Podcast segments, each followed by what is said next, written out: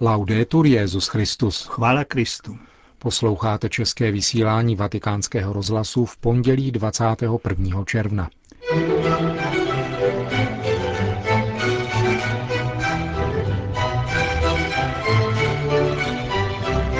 Benedikt XVI. upozornil na humanitární krizi v Kyrgyzstánu.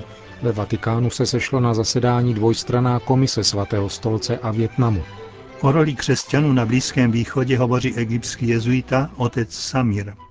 To a mnohé další uslyšíte v našem dnešním vysílání, kterým vás provázejí Josef Koláček a Milan Glázer.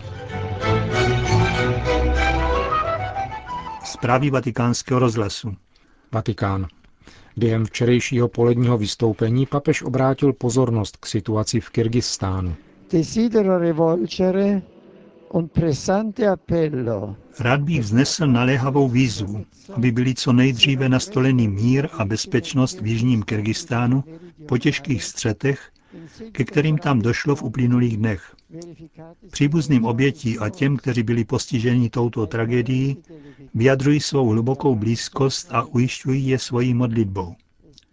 Vybízím proto všechna etnická společenství této země, aby se zřekla provokací či násilí a žádám mezinárodní společenství, aby se přičinilo o rychlé dodávky humanitární pomoci postiženému obyvatelstvu. Ve zmíněné oblasti se situace poněkud sklidnila, ale humanitární krize je tak závažná, že vrchní komisariát pro uprchlíky při OSN již poukázal značné finanční částky na pomoc tamnějším uprchlíkům. Jejichž počet se odhaduje na 300 tisíc. Při násilných útocích proti uzbecké menšině žijící v Kyrgyzstánu bylo zabito přibližně 2000 lidí. Podle zahraničních pozorovatelů stojí za etnickými střety snahy nedávno svržené vlády prezidenta Kyrgyzstánu Karmanbeka Bakijeva, který našel azyl v Bělorusku. Jemu blízké kruhy zřejmě usilují o destabilizaci země před ústavním referendem, které má legitimovat novou vládu. Do Kyrgyzstánu, který se mezitím ocitnul před humanitární katastrofou, pomalu začíná přicházet zahraniční pomoc. Vatikán. Po uplynutí jednoho roku se vracejí k diplomatickému jednání Vietnam a svatý stolec. Jeho cílem je navázání plných diplomatických vztahů. Ředitel tiskového střediska svatého stolce otec Federico Lombardi dnes oznámil, že tento čtvrtek bude ve Vatikánu zahájeno druhé dvoudenní zasedání příslušné bilaterální komise, která má prohloubit a rozvinout řešení příslušných otázek, které byly stanoveny na prvním zasedání, jež se konalo v Hanoji 16. až 17. února loňského roku. Z větnamského vládního tisku se lze dozvědět, že na čele delegace, která přijela do Říma, je náměstek ministra zahraničí Nguyen Tan Son. Dalšími jejími členy jsou funkcionáři ministerstva vnitra a náboženských záležitostí. Ve vztazích církev a stát došlo ve Vietnamu k určitému pokroku. Tamnější vláda poprvé oficiálně uznala přítomnost misionářů z kongregace oblátu neposkvrněné Pany Marie, kteří zde působí již 16 let. Nyní jim byl přiznán statut občanského združení. Podléhají francouzské provincii této kongregace. Řeholní sliby přijalo v této kongregaci již 28 rodilých Větnamců. V noviciátu je 12 osob a dalších 20 tvoří kandidáti. Obláti pracují na periferii Hanoje a zakrátko otevřou misijní centrum u tzv. montoňardů, tedy domorodého etnika, žijícího v samotách horských terénů Vietnamu. Havana. Šéf vatikánské diplomacie arcibiskup Dominik Mamberti včera skončil pětidenní návštěvu Kuby.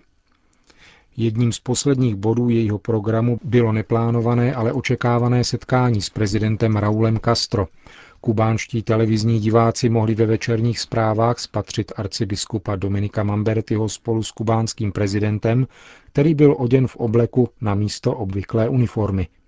Kubánská televize podala oficiální sdělení, ve kterém byly 75 let trvající vzájemné vztahy mezi Kubou a Svatým stolcem označeny za srdečné, úctivé a stále důležitější. Praví se v něm dále, že návštěva hosta z Vatikánu umožnila konstatovat ideální stav a vývoj vztahů mezi státem a církví na Kubě. Cestou na havanské letiště řekl vatikánský sekretář pro vztahy se státy novinářům jen tolik, že setkání s prezidentem bylo velmi pozitivní. Mnozí se ptají, zda jeho návštěva přispěje ke zlepšení stavu lidských práv na Kubě. Potvrdilo to propuštění jednoho politického vězně a přemístění 12 dalších osob do věznic, dostupnějších pro jejich příbuzné.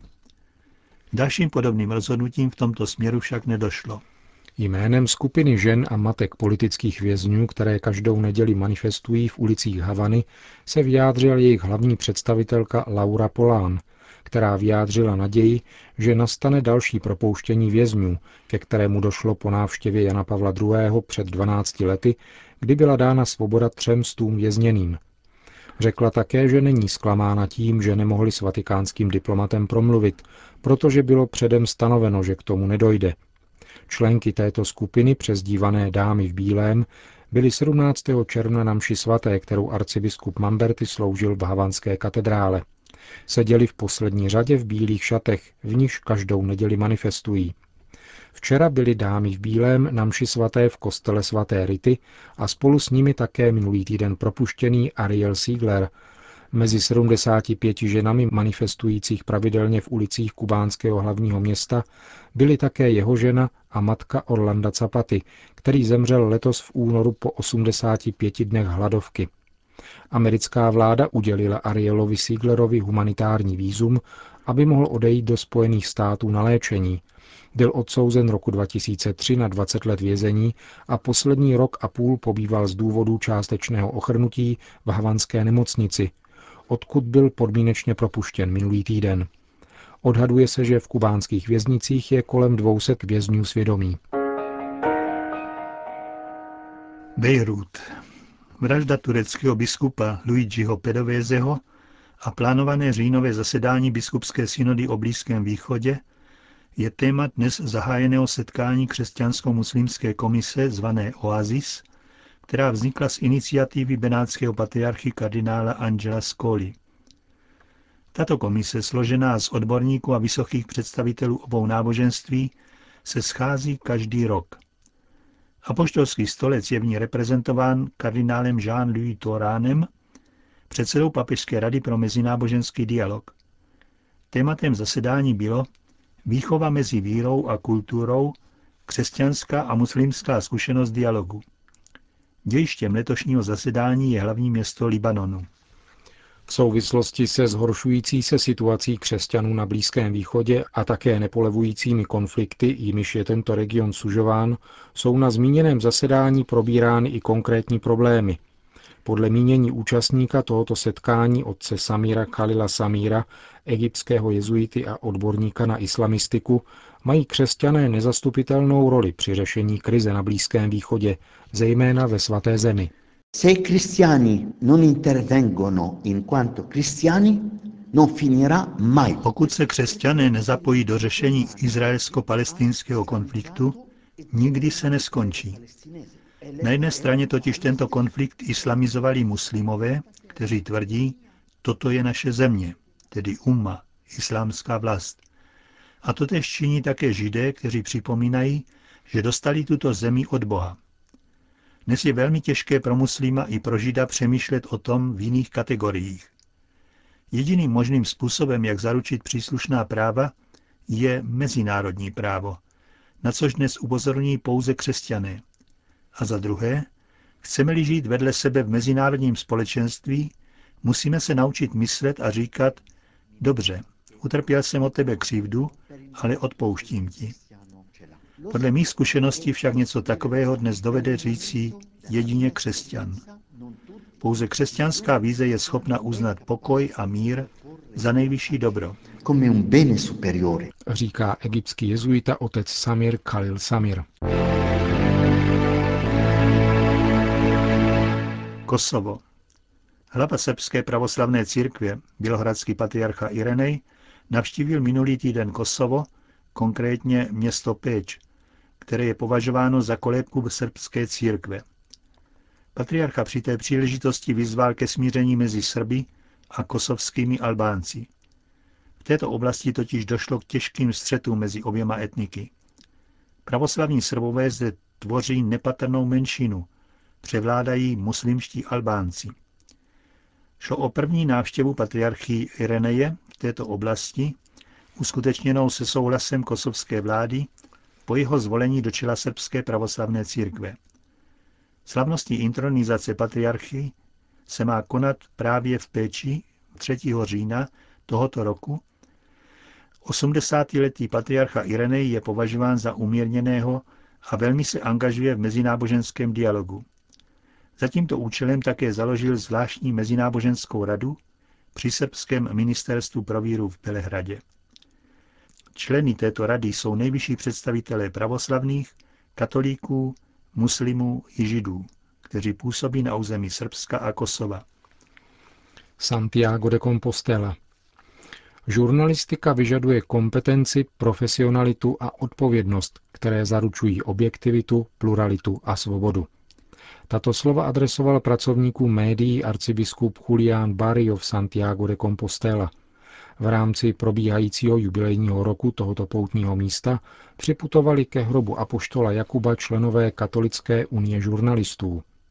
Arcibiskup Bário připomněl, že pravda je úhelným kamenem informační společnosti.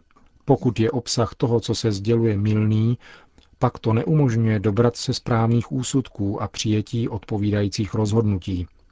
Poslání žurnalisty proto spočívá na integrální pravdě o člověku a jeho důstojnosti. Úkolem žurnalisty je dodat společnosti všechny prvky, které pomohou pochopit skutečnost, bez opomíjení náboženského rozměru, který nelze z lidského srdce odstranit. Pravda je základem etiky, což vede k tomu, aby si žurnalisté kladli otázku po smyslu svého lidského a křesťanského povolání v mediálním prostředí, zdůraznil arcibiskup Bario. Při tradiční modlitbě u hrobu apoštola Jakuba připomněl Rafael Ortega Benito, předseda Katolické unie žurnalistů, výzvu Jana Pavla II. k žurnalistům, aby budovali naději, dobro a vnímavost pro transcendentní hodnoty. Mnohá média spějí k tomu, že na místo jasných informací vnucují informační odpadky. Ve Španělsku je momentálně vnucována kultura smrti a přitom je umlčováno náboženství. Za takovéto situace je třeba se dožadovat jeho oprávněného postavení na všech rovinách společenského života a nezbytné účasti náboženství na společenském dialogu. Rafael Ortega Benito dále připomněl postavu minulý týden blahořečeného žurnalisty Manuela Lozano Garida. Ten pokládá žurnalistiku za službu, která musí být zvenčí i zevnitř oproštěna od jakékoliv ideologie. Washington. Poslanec za demokratickou stranu Ed Markey včera zveřejnil interní dokument společnosti British Petroleum, která je zodpovědná za ekologickou katastrofu v Mexickém zálivu, ve které se odhaduje, že do moře uniká kolem 100 tisíc barelů ropy denně. Doposud udávala zmíněná nadnárodní společnost, že jde o podstatně menší množství a také odhady vládních expertů nikdy neuváděly více než 60 tisíc barelů. Zmíněná společnost, kterou poslanec Márky obvinuje, že klame veřejné mínění a vládu, existenci dokumentu nedementovala, ale popírá, že by katastrofu podcenila. Vždycky jsme říkali, uvedl mluvčí British Petroleum Toby Odon, že budeme čelit jakémukoliv množství úniku ropy. A přesně to děláme.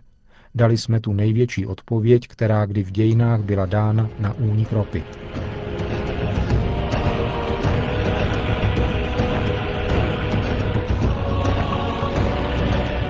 Končíme české vysílání vatikánského rozhlasu. Chvála Kristu. Laudetur Jezus Christus.